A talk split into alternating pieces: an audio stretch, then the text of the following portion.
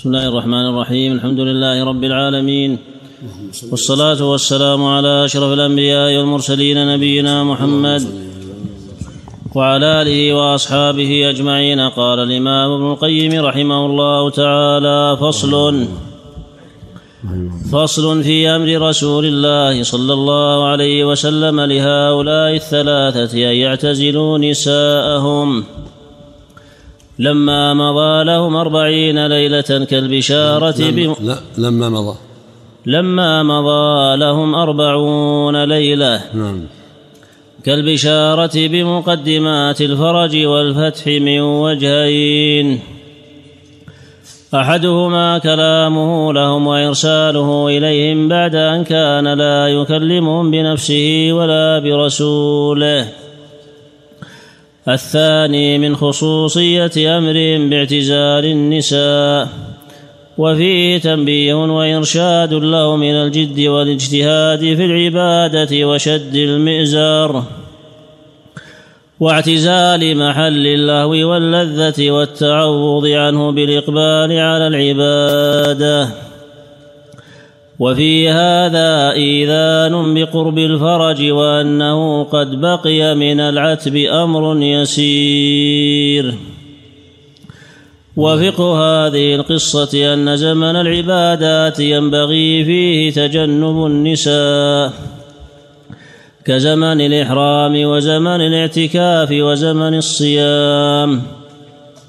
فأراد النبي صلى الله عليه وسلم أن يكون آخر هذه المدة في حق هؤلاء بمنزلة أيام الإحرام والصيام في توفرها على العبادة ولم يأمرهم بذلك من أول المدة رحمة بهم وشفقة عليهم. إذ لعلهم يضعف صبرهم عن نسائهم في جميعها فكان من اللطف بهم والرحمة أن أمروا بذلك في آخر المدة كما يمر به الحاج من حين يحرم لا من حين يعزم على الحج. كما كما يمر به الحاج من حين يحرم. لا من حين يعزم على الحج. وقول كعب لامرأته الحقي بأهلك دليل على أنه لم يقطع بهذه لم يقطع بهذه اللفظة. يقطع أو يقع؟ أحسن الله إليك. بعده؟ بعده؟ لم يقطع بهذه اللفظة وأمثالها طلاق ما لم ينوه. يقع يقع. هنا خطأ. يقع. دليل على أنه لم يقع بهذه اللفظة وأمثالها طلاق ما لم ينوه. والصحيح أن لفظ الطلاق والعتاق والحرية كذلك إذا أراد به غير تسييب الزوجة. وإخراج الرقيق عن ملكه لا يقع به طلاق ولا عتاق. وهذا الذي ذكره المؤلف رحمه الله استنباط حسن لأن كونه صلى الله عليه وسلم كلمهم بالمراسلة هذا بدء للفرج. أرسل إليهم من يقوم من يأمرهم باعتزال نسائهم وهم الثلاثة الذين خلفوا عن غزوة تبوك. هذا إيذان بأن الله جل وعلا قد قرب فرجه وعفوه. وهكذا أمره باعتزال النساء عند الشدة يجب الفرج. فإن مع العسر يسرا إن مع العسر يسرا فلما اشتد الأمر دل على قرب الفرج. ودل على أن قول الرجل لزوجته الحقي بأهلك أو روحي إلى أهلك أو ما أشبه ذلك إذا لم يقصد به الطلاق لا يكون طلاق. هذه كنايات. إن أراد بها الطلاق وقع بها الطلاق وإن لم يرد شيئا فإن لا يقع بها شيء. هي وأشباهها. اذهبي لأهلك الحقي بأهلك وخذ عن وجهي روحي عني وما أشبه ذلك. هذا كله لم يقصد به الطلاق فهو من الكلام الذي يقع على الألسنة في غير قصد الطلاق. نعم.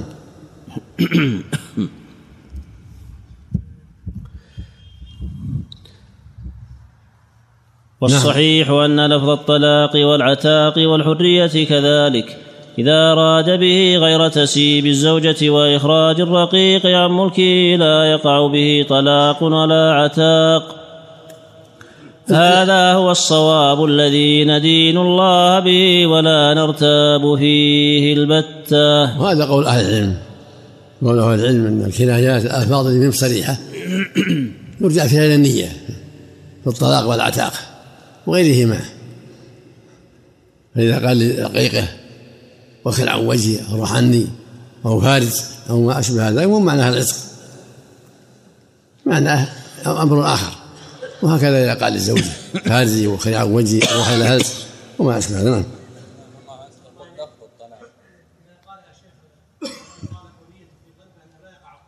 لا ما ينفع. لو الطلاق من الصريح.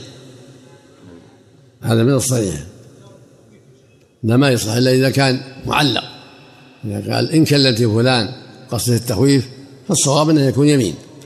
أو إن ذهبت إلى اهلك قصد منعها أما إذا قال أنت طالقا ديتي ما دبرت ما يصح مش عندك كلام؟ وهذا هو الذي ندم الله به غير غير تسيب الزوج. إذا أراد به غير تسيب الزوج. إيه؟ وقول كعب لامرأته الحقي بأهلك دليل على أنه لم يقع بهذه اللفظة وأمثالها طلاق ما لم ينوه. نعم. والصحيح أن لفظ الطلاق والعتاق والحرية كذلك. الصحيح إذا والصحيح. والصحيح أن لفظ الطلاق والعتاق والحرية كذلك. إيه. إذا أراد به غير تسييب الزوجة غير تسييب الزوجة وإخراج الرقيق عن ملكه لا يقع به طلاق ولا عتاق هذا هو الصواب الذي ندين الله به والصواب أن لفظ الطلاق إيش والصحيح أن لفظ الطلاق والعتاق والحرية كذلك إذا أراد به غير تسييب الزوجة وإخراج الرقيق عن ملكه لا يقع به طلاق ولا عتاق.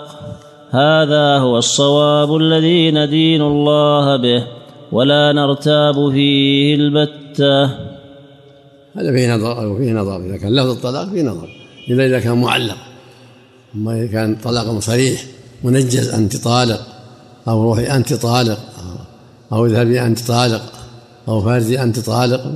صريح ما ما يحتاج كلام به المعروف عند أهل العلم المثال طالق لقع لكن مسألة العزق والحرية هذا محل نظر.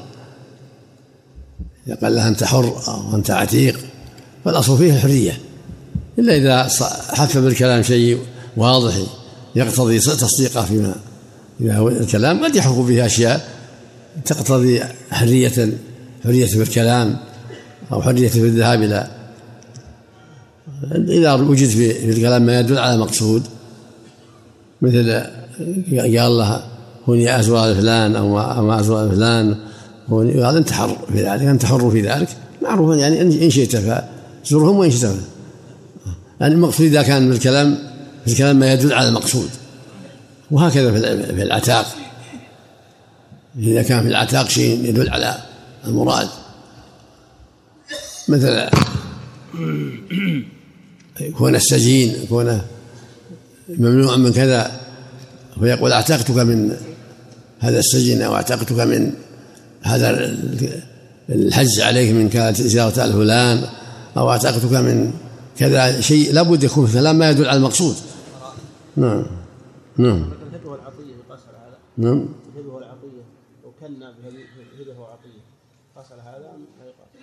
محل نظر نعم. إذا أراد به غير تسيب الزوجة. نعم. يعني غير غير تسريح غير طلاقها نعم. نعم. مرجوح يعني أحسن الله إليك. نعم. أقول كلام المؤلف هنا مرجوح. نعم. على إطلاقه فيه نظر. على إطلاقه فيه نظر إلا بالقرائن. إلا مسألة الطلاق. نعم. في الطلاق. لا شك إنها كلام الطلاق. انه مرجوح مرجوح. نعم. الطلاق ما يراد به إلا الطلاق. نعم. مع الزوجة. نعم. نعم. نعم. نعم. فإن قيل له إن غلامك فاجر أو جاريتك تزني فقال ليس كذلك. إيش؟ فإن قيل. فإن قيل له إن غلامك فاجر أو جاريتك تزني إن إن. إن غلامك فاجر. أو جاريتك تزني. إن غلامك فا فاجر. إن. إن غلامك فاجر. نعم. أو جاريتك تزني فقال ليس كذلك. بل هو غلام عفيف حر وجارية عفيفة حرة. هذه قرائن واضح ولم يرد بذلك حرية العتق وإنما أراد حرية العفة. نعم. فإن جاريته وعبده لا يعتقان بهذا أبدا. وكذا قد- ظاهرة نعم. نعم. وكذا إذا قيل له كم لغلامك عندك سنة؟ فقال هو عتيق عندي وأراد قدم ملكه له لم يعتق بذلك. نعم. يقول صلى الله عليه وسلم إنما الأعمال بالنيات وإنما لكل امرئ ما نوى. نعم. إذا است- الكلام محتمل. نعم. وكذلك إذا ضرب امرأته الطلق فسئل عنها فقال هي طالق ولم يخطر بقلبه إيقاع الطلاق وإنما أراد أنها في طلق الولادة. لم تطلق بهذا. وهكذا وهكذا. وكذلك إذا ضرب امرأته الطلق فسئل عنها فقال هي طالق ولم يخطر بقلبه إيقاع الطلاق وإنما أراد أنها في طلق الولادة لم تطلق بهذا هذا وليست إذا وجد هذا فيه عجمة وهو طالق فيه عجمة. هي تطلق. إذا مثل هذا القرينة ظاهرة. نعم. نعم. وليست هذه الألفاظ مع هذه القرائن صريحة إلا فيما أريد بها ودل السياق عليها فدعوى أنها صريحة في العتاق والطلاق مع هذه القرائن مكابرة مكابرة ودعوى باطلة قطعا. نعم. مثل ما قال الله. نعم. فصل. وفي سجود كعب رضي الله عنه حين سمع صوت المبشر دليل ظاهر على أن تلك كانت عادة الصحابة وهي سجود الشكر عند النعم المتجددة والنقم المندفعة. وقد سجد أبو بكر الصديق رضي الله عنه لما جاءه قتل مسيلمه, مسيلمة الكذاب. وسجد علي بن أبي طالب رضي الله عنه لما وجد ذا الثدية مق- ذا الثدية مقتولا في الخوارج. وسجد رسول الله صلى الله عليه وسلم حين بشره جبريل أنه من صلى عليه مرة صلى الله عليه بها عشرا. على الشيء الأخير. ما عليه الشيء نعم. الأخير ما عليه. نعم. وسجد حين شفع لأمته فشفعه الله فيهم ثلاث مرات. واتاه بشير فبشره بظ- بظفر جند له على عدوهم ورأسه في حجر عائشة رضي الله عنها فقام فخر ساجدا. وقال أبو بكرة رضي الله عنه كان رسول الله صلى الله عليه وسلم إذا أتاه أمر يسره خر لله ساجدا. وهي آثار صحيحة لا مطعن فيها. اللهم الله أحسن الله إليك. يعني من السنة أن الإنسان إذا أتى خبر يسره وهو جالس أن يقوم أو مضطجعا يقوم. نعم يسجد لله ولا- يشترط لها الطهارة سجود الشكر سجود التلاوة. ليس لها لا يشترط لها الطهارة بخلاف سجود السهو لا بد من الطهارة. أما سجود الشكر فهو يأتي على غرة فلا فلا فلا مانع من السجود وهكذا سجود التلاوة وإن كان على غير طهارة أحسن الله إليك كما جرى للنبي صلى الله عليه وسلم وللصحابة رضي الله عنهم وأرضاهم نعم لكن أحسن الله إليك هل يقوم لو كان مضطجعا كما هنا إيه؟ أتاه بشير فبشره يقوم يسجد؟ لكن لو كان مثلا جالسا أو مضطجعا إيه؟ إيه. ما يعني يستوي جالسا ويسجد الظاهر قام يعني قام من من من, بس هم مقصودة إنه قام واجف يعني قام من مضطجعة وسجد لله شكرا. نعم. ما جاء عن عائشة أحسن الله إليك أن الإنسان إذا أراد أن يسجد للتلاوة أيضا أن الأولى أن يقوم ثم يسجد عن قيام. المعروف إنه كان يسجد وهو جالس عليه الصلاة والسلام. نعم. ما يكون من قيام نعم. الخضوع ما يكون من قيام. ويخرون للأذقان. ما هو بلازم ما هو بلازم عن قيام إذا تلاه وهو جالس سجد وهو جالس وإذا تلاه وهو قائم خر ساجدا. يعني من قال بهذا ما ليس على قول ما. لم ما لم دليل واضح على هذا نعم. أحسن الله إليك. وفي استباق صاحب الفرس والراقي على سلع وفي استباق صاحب الفرس والراقي على سلع ليبشرا كعبا دليل على حرص القوم على الخير واستباقهم إليه. وتنافسهم في مسرة بعضهم بعضا. اللهم الله وهكذا شأن المؤمنين. ينبغي يكون هكذا. أن يتسابقوا في ما ينفع ينفعهم وأن يبشر بعضهم بعضا بالخير وأن يسره ما يسر أخاه وأن يحزنه ما يحزن أخاه. كما قال تعالى والمؤمنون والمؤمنات بعضهم أولياء بعض الله أكبر. نعم. وفي نزع كعب رضي الله عنه ثوبيه وإعطائهما للبشير دليل على أن إعطاء المبشرين من مكارم الأخلاق والشيم وعادة الأشراف. وقد اعتق العباس رضي الله عنه غلامه لما بشره أن عند الحجاج بن علاط من الخبر عند رسول الله. أن عند الحجاج بن علاط من الخبر عن رسول الله صلى الله عليه وسلم ما يسره. وفيه دليل على جواز إعطاء البشير جميع ثيابه. وفي نعم. إذا كان عنده ما يستر عورته نعم. نعم. اللهم المستعان وفيه دليل على على استحباب تهنئة من تجددت له نعمة دينية والقيام والقيام إليه إذا أقبل كما فعل طلحة. ومصافحته. كان كما قام على طلحة. فإنه قام من الحلقة حلقة النبي صلى الله عليه وسلم وقابل كعبا وصافحه وهنأه بتوبة الله عليه. اللهم المستعان أحسن الله إليكم. يسلم الرجل.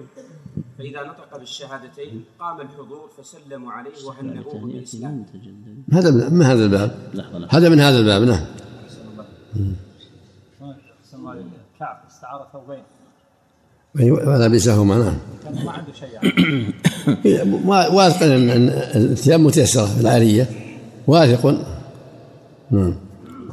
والقيا وفيه دليل على استحباب تهنئة من تجددت له نعمة دينية والقيام إليه إذا أقبل ومصافحته فهذه سنة مستحبة وهو جائز لمن تجددت له نعمة دنيوية. وأن الأولى أن يقال له ليهنك ما أعطاك الله وما من الله به عليك ونحو هذا الكلام. فإن فيه تولية النعمة ربها والدعاء لمن فإن فإن فيه تولية النعمة ربها والدعاء لمن نالها. فإن فيه. فإن فيه تولية النعمة ربها. تولية؟ نعم مم. تولية النعمة ربها مم. والدعاء لمن نالها بالتهني بها نعم نعم وفيه دليل على أن خير أيام العبد على الإطلاق وأفضلها يوم توبته إلى الله وقبول الله توبته لقول النبي صلى الله عليه وسلم أبشر بخير يوم مر عليك أبشر بخير يوم مر عليك منذ ولدتك منذ ولدتك أمك. فإن قيل لا فكيف؟ شك ان إن اليوم الذي يتوب الله فيه على العبد يمحو سيئاته أفضل يوم بالنسبة إليه وخير يوم بالنسبة إليه. وهذا يدل على أنها توبة تامه توبة كاملة على كعب. أن الله تاب عليه ومن عليه بالعفو والمغفرة عن ذنوبه. الله أكبر. نعم ذلك يفهم من ذلك ان يوم عرفه بالنسبة للحاج افضل من ليله القدر وكل الأيام محل نظر. ليلة القدر أفضل من جميع الليالي. ليلة القدر خير من ألف شهر. عام. وأما يوم عرفة فله فضل. والمعروف أن يوم النحر أفضل منه وهو يوم الحج الأكبر. ثم يوم ثم يليه يوم عرفة. نعم. ويباهي بهم ملائكته. نعم. هذا يوم يوم عظيم. فيه فضل عظيم. لكن لكن يوم النحر هو يوم الحج الأكبر. فيه فضل عظيم فيه فضل عظيم وخير كبير الله أكبر. نعم. نعم. يشكر الله عليها. مثل ولد ولد له ولد. مثل تيسر الله له بيت يسكنه مثل قضى الله دينه أوفى الله عن دينه أحسن إليه من أوفى دينه. نعم. فإن قيل فكيف يكون هذا اليوم خيرا من يوم إسلامه؟ قيل هو مكمل ليوم إسلامه ومن تمامه فيوم إسلامه بداية سعادته ويوم توبته كمالها وتمامها والله المستعان. والظاهر والله أنها توبة عن جميع الذنوب وهو توبة مجرد التخلف بخير يوم ولا ولا يعني أنها توبة كاملة. لأن الله قال وعلى الثلاث لقد تغل المهاجرين ثم قال وعلى الثلاث هي توبة كاملة. نعم. الله نعم. وفي سرور رسول الله صلى الله عليه وسلم بذلك وفرحه به واستنارة وجهه دليل على ما جعل الله فيه من كمال الشفقة على الأمة والرحمة بهم صل حتى لعل فرحه كان أعظم من فرح كعب وصاحبيه. اللهم صل على وسلم اللهم صل على وقول كعب يا رسول الله إن من توبتي أن انخلع من مالي. دليل على استحباب الصدقة عند التوبة. بما قدر عليه من المال. وقول رسول الله صلى الله عليه وسلم أمسك عليك بعض مالك فهو خير لك. دليل على أن من نذر الصدقة بكل ماله لم يلزمه إخراج جميعه بل يجوز له أن يبقي له منه بقية. وقد اختلفت الرواية في ذلك ففي الصحيحين أن النبي صلى الله عليه وسلم قال له أمسك عليك بعض مالك ولم يعين له قدرا بل أطلق ووكله إلى اجتهاده في قدر الكفاية وهذا هو الصحيح. فإن ما نقص عن كفايته وكفاية أهله لا يجوز له التصدق به.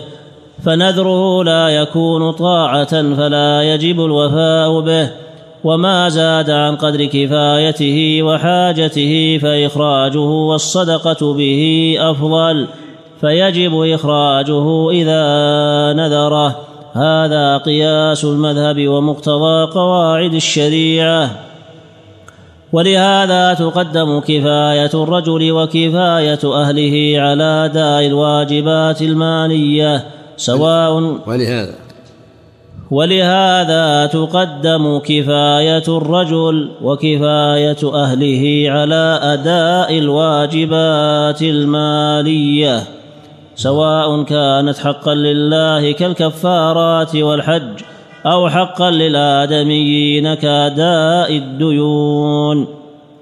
فإنا نترك للمفلس ما لا بد له ما لا بد منه من مسكن وخادم وكسوة وآلة حرفة أو ما يتجر به لمؤونته إن فقدت الحرفة ويكون حق الغرماء فيما بقي.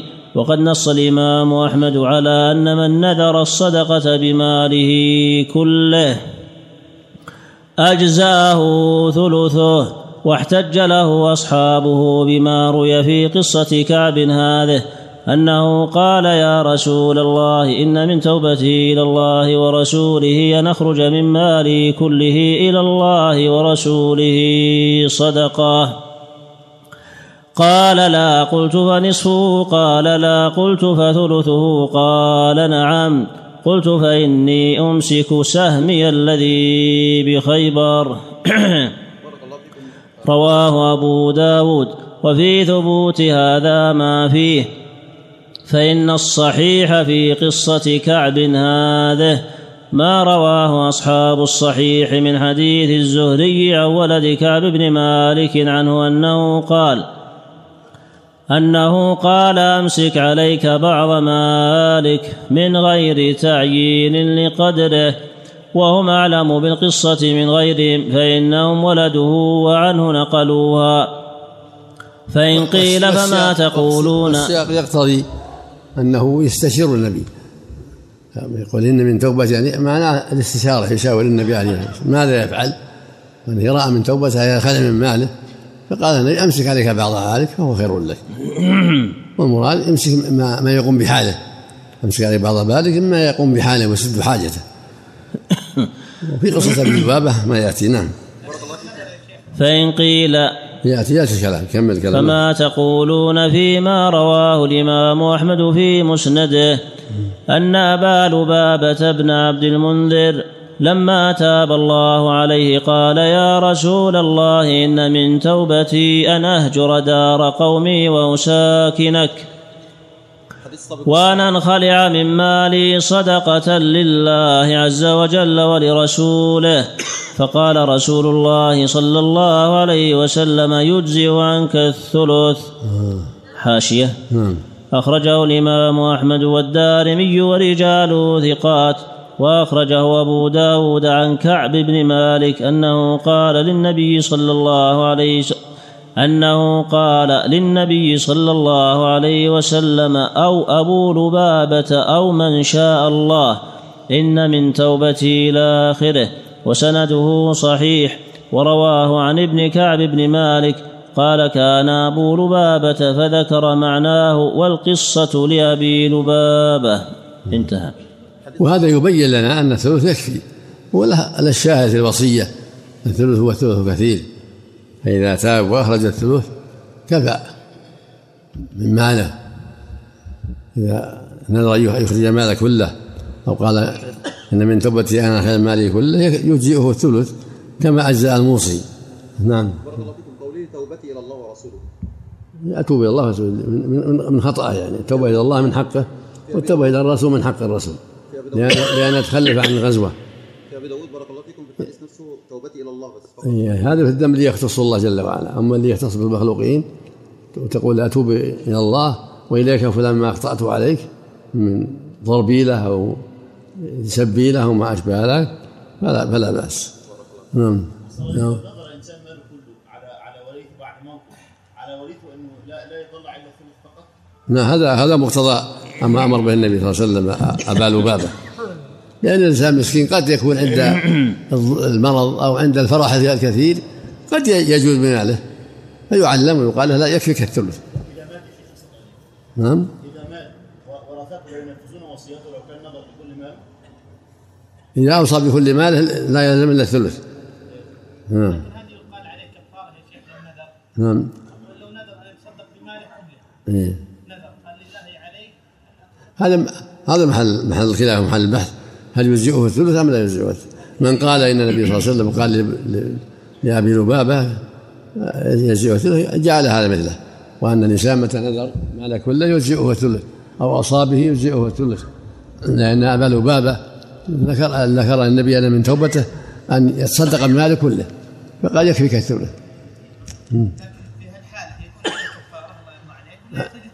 ويكفي يكفي الثلث نعم. يكفي الثلث نعم. أحسن الله إليكم من كان عليه ديون وعنده فلة مثلا تسوى 200 ألف أو 300 ألف.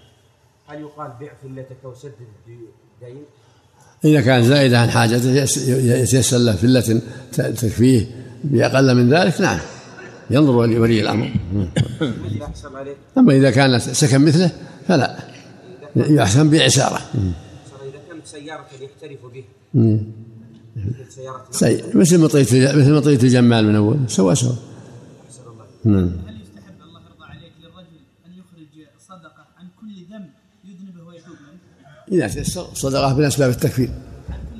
من إذا صدقة من أسباب تكفير السيئات نعم. نعم. فقال رسول الله صلى الله عليه وسلم يجزئ الله عنك الثلث الصدقة تطفئ الخطيئة كما يطفئ الماء النار. نعم أكبر. نعم. فقال رسول الله صلى الله عليه وسلم يجزئ عنك الثلث قيل هذا هو الذي احتج به أحمد. لا بحديث كعب. فإنه قال في رواية ابنه عبد الله إذا نذر ان يتصدق بماله كله أو ببعضه وعليه دين أكثر مما يملكه فالذي أذهب إليه. أنه يجزئه من أنه يجزئه من ذلك الثلث لأن النبي صلى الله عليه وسلم أمر أبا, أبا لبابة بالثلث وأحمد أعلم بالحديث أن يحتج بحديث كعب هذا أن يحتج بحديث كعب هذا الذي فيه ذكر الثلث إذ المحفوظ في هذا الحديث أمسك عليك بعض مالك. وكأن أحمد رأى تقييد إطلاق حديث كعب هذا بحديث أبي لبابة. وقوله في من نذر أن يتصدق بماله كله أو ببعضه وعليه دين يستغرقه إنه يجزئه من ذلك الثلث دليل على انعقاد نذره وعليه دين يستغرق ماله. ثم إذا قضى الدين أخرج مقدار ثلث ماله يوم النذر. وهكذا قال في رواية ابن عبد الله. أي سطرين وقوله في من نذر أن يتصدق بماله كله أو ببعضه وعليه دين يستغرقه إنه يجزئه من ذلك الثلث. دليل على انعقاد نذره وعليه دين يستغرق ماله. ثم إذا قضى الدين أخرج مقدار ثلث ماله يوم النذر. وهكذا قال في رواية ابنه عبد الله إذا وهب ماله وقضى دينه واستفاد غيره فإنما يجب عليه إخراج ثلث ماله يوم حنثه يريد بيوم حنثه يوم نذره فينظر قدر الثلث ذلك اليوم فيخرجه بعد قضاء دينه. وقوله أو ببعضه يريد أنه ظاهر, إذا ظاهر السنة أنه يلزمه الثلث وقت, وقت الكلام يجزئه الثلث والباقي لحاجاته ودينه وغير ذلك. هذا ظاهر السنة أنه يجزئه الثلث مطلقا. مثل كالذي أوصى ومات له وصية الثلث والباقي لورثه. لكن أحسن أما هذا النادر هذا أوجب على نفسه. الوصية اختيارية ليس له يوصي إلا بالثلث بعد الدين. أما هذا في في حياته نذر أن يتصدق بماله فيجزئه الثلث لأن النذر واجب من يطيع الله فليطيعه. ومن رحمة الله أن أجزأه الثلث وصار الباقي يبقى في ملكه. يصدق منه ويوفي منه الدين ينفق على منه على حاجاته. لكن أحسن الله إليك لو كان الثلثان لا يفيان بما عليه من الديون. ولو ينفذ الثلث. إلا من قال إنه يحجر عليه بمجرد كون ماله لا يقابل ديونه وأن الحجر عليه يكون بنفس قلة المال لا بحجر الإمام. وإلا فلا فثلثه يكفي. ثلث ماله الذي الذي عنده وقت النذر يكفي والباقي يكون لحاجاته ودينه وغير ذلك. أحسن الله إليك. ما اختار شيخ الإسلام أن الإنسان إذا أوقف وعليه ديون أن هذا الوقف لا ينفذ ولا يجرى حتى هذا مبني على الحجر مبني على أن أن الحجر يكون بنفس الاعسار وإن لم يحجر عليه القاضي وظاهر السنة وظاهر الأدلة الشرعية انه لا حجر عليه إلا بعد حجر القاضي. لكن أحسن الله إليك. لو قيل إنه يسدد الديون التي عليه ثم بعد ذلك ينظر في المال الباقي. هذا معنى هذا ما كان معنى كلام المؤلف. حمل كلام أحمد على هذا. كلام أحمد حمل على هذا. لكن أهل السنة خلاف ذلك. لكن احسن هو قال يوم يوم نذره السنة خلاف ذلك. قال يوم نذره أحسن الله إليك. نعم. قال يوم نذره. أخرج مقدار ثلث ماله يوم النذر. إيه، هذا كلام أحمد. يحكي عن أحمد يعني. بعد وفاء الدين. يعني بعد وفاء الدين. نعم يكون الصواب يا شيخ اخراج الثلث اولا ثم القضاء الدين يكون الثلثين لحاجاته ودينه وكل شيء. نعم. يعني اللي يظهر لكم أحسن الله إليك أنه يجب إخراج ثلث جميع المال. نعم. حين النذر. حين النذر. نعم. ثم الباقي يكون في حاجاته وديونه. أحسن الله إليك. مم. يعني ما يقدم عفى الله عنك وفاء الدين ولو كان يستغرق ماله. يعني ما حجر عليه لم يحجر عليه. نعم. نعم. لكن أحسن الله إليك يعني قواعد الشريعة العامة مسألة الديون وحقوق الناس أليست مقدمة؟ ما يظهر لي. الرسول ما استفسره. ما قال عليك دين ولا ما عليك دين. قال يكفيك الثلث ولا يستفسره. أحسن الله إليك. ترك الاستفصال وقت مع الاحتمال ينزل منزله العموم. فقال وقال لجاء كعب أمسك عليك بعض مالك وهو خير لك. لكن ما يقال إنه كان يعلم حال كعب وما لا حديث أبي لبابة أصرح. حديث أبي لبابة أصرح في الموضوع. أصرح في الموضوع. أحسن الله إليك. وقوله أو ببعضه يريد أنه إذا نذر الصدقة بمعين من ماله أو بمقدار كألف ونحوها فيجزئه ثلثه كنذر الصدقة بجميع ماله والصحيح من مذهبه لزوم الصدقة بجميع المعين وفيه رواية أخرى أن المعين إن كان ثلث ماله فما دونه لزمه الصدقة بجميعه. وإن زاد على الثلث لزمه منه بقدر الثلث وهي أصح عند أبي البركات. والصواب أنه يجب عليه ما نذر لأن الرسول قال من نذر ان يطيع الله فليطيعه ومن نذر أن يعصي الله فلا يعصه. فالحديث عام. إذا كان نذر طاعة نعم.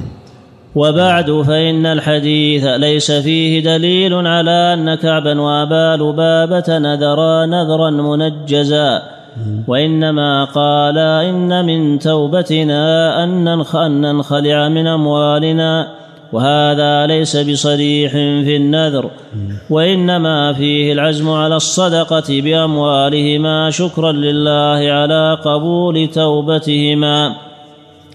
فأخبر النبي صلى الله عليه وسلم أن بعض المال يجزئ من ذلك ولا يحتاجان إلى إخراجه كله. وهذا- وهذا كما قال لسعد رضي الله عنه وقد استأذنه أن يوصي بماله كله. فأذن له في قدر الثلث. فإن قيل وهذا كله إذا كان مهنة نذر مثل ما بين النبي صلى الله عليه وسلم. إذا كان مهنة نذر يكفي. يخرج ما يسر الله له. أما إذا نذر قد وجب عليه أن يوفى بالنذر. إذا زاد على الثلث. نعم. إذا زاد على الثلث ما يخرج إلا الثلث فقط. إذا زاد النذر على ثلث المال. إذا كان في مرض موته ليس له تصرف إلا بالثلث أما إذا كان صحيح فيخرج الثلث. قال لأبي لبابة يكفيك الثلث. لكن لو كان بشيء معين أحسن الله إليك. نذر شيئا معينا. نعم أولى وهذا المعين أكثر من الثلث. هل من, يقال ينفذ؟ من نذر أن يطيع الله فليطيعه يعني ينفذ في الثلث فقط. اللي فيما عينه في معينة في المعين ولو كان أكثر من الثلث. ولو كان أكثر من الثلث. أحسن الله إليك. نعم. فإن قيل هذا يدفعه أمران أحدهما قوله يجزئك والإجزاء رفع له فإن قيل. أحسن الله إليك. اللهم اغفر له. غفر الله. هذه امرأة حفظكم الله تقول إذا شمت طيبا نزلت عليها الدورة وهذا يتكرر معها فهل تحسبها عادة أم لا؟ كلما شمت الطيب نزل لا هذا يسمى دم استحاضة. إلا إذا جاءت في وقت العادة.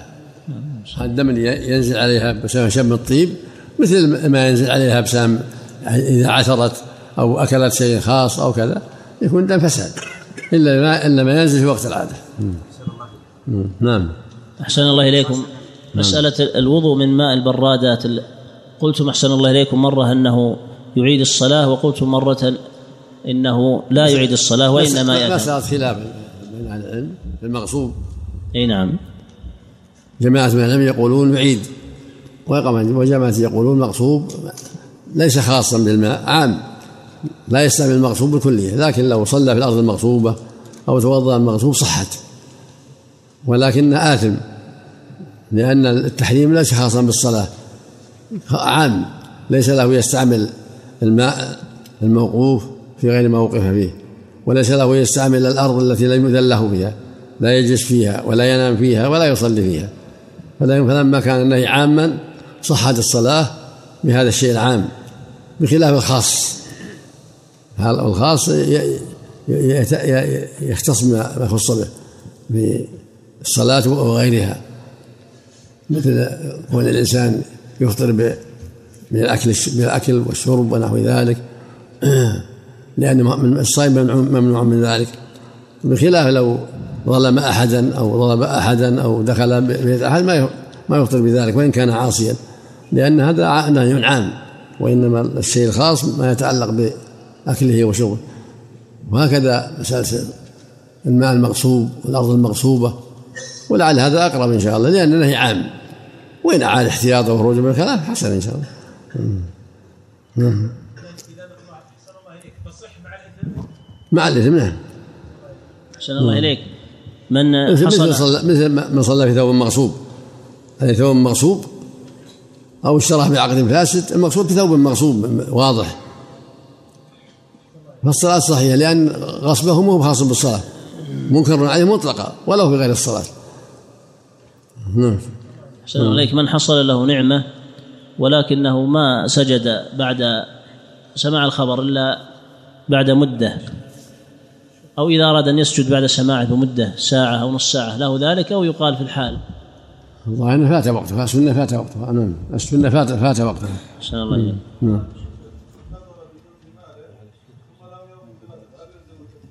نعم ثم لم يفي بهذا النذر هل يلزم الكفاره؟ يبقى دين في ذمته دين يبقى دين حتى يوفي. يبقى في ذمته. نعم مثل الديون التي يموت عليها وأمره إلى الله حسابه عند الله. نعم. إيش؟ له أمر اخر في وضع الثلث لا على ما نذر سابقا. إذا نذر لله جل وعلا ثلث ماله في عمارة مسجد على ما قال. نذر ثلث ماله للفقراء الفلانيين على ما قال وهكذا أحسن الله إليك. رجل يقول أعطتني أختي مبلغا من المال على أن أشتري به سيارة. إيش؟ رجل يقول أعطتني أختي مبلغا من المال على أن أشتري به سيارة وأبيعها بالتقسيط. ثم إني احتجت إلى المبلغ المذكور فأخذته وحسبت به علي سيارة بدون أن أشتري سيارة. ثم سألت بعض طلبة العلم وقال لي إن هذا لا يجوز فهل يجوز لي أن أعطي أختي هدية من مالي بعد إرجاع نقودها إليها ليكون عوضا عن حبس مبلغها عندي أو لا؟ إذا أعطاها شيء لا بأس. هذا مو مشروط. إن خيار الناس حسن القضاء. لما فوت فوت عليها المصلحة إذا رد عليها مالها وأعطاها شيء وقال سامحيني طيب. إن خيار الناس أحسنهم قضاء نعم. طبعا يا شيخ ما يؤخذ من قصه كعب رضي الله عنه انه لما تاب يعني يؤخذ من ذلك ان التاب يعتزل زوجته مؤقتا إيش؟ أقول ما يؤخذ من قصة كعب بن مالك رضي الله عنه. آه، أن التاب يعتزل زوجته مؤقتا لا حسب الأوامر. الرسول أمره. أمرهم كل الثلاثة. نعم أمر الثلاثة جميعا. الشاب والش- والشيوخ الشيخين. نعم نعم. أحسن الله إليك. نعم. بعض الإخوة الحاضرين يقول كانت بيني وبين أحد زملائي خصومة فقلت علي بالحرام أني لا أكلمك مدى الحياة. في وقت آخر نعم سم.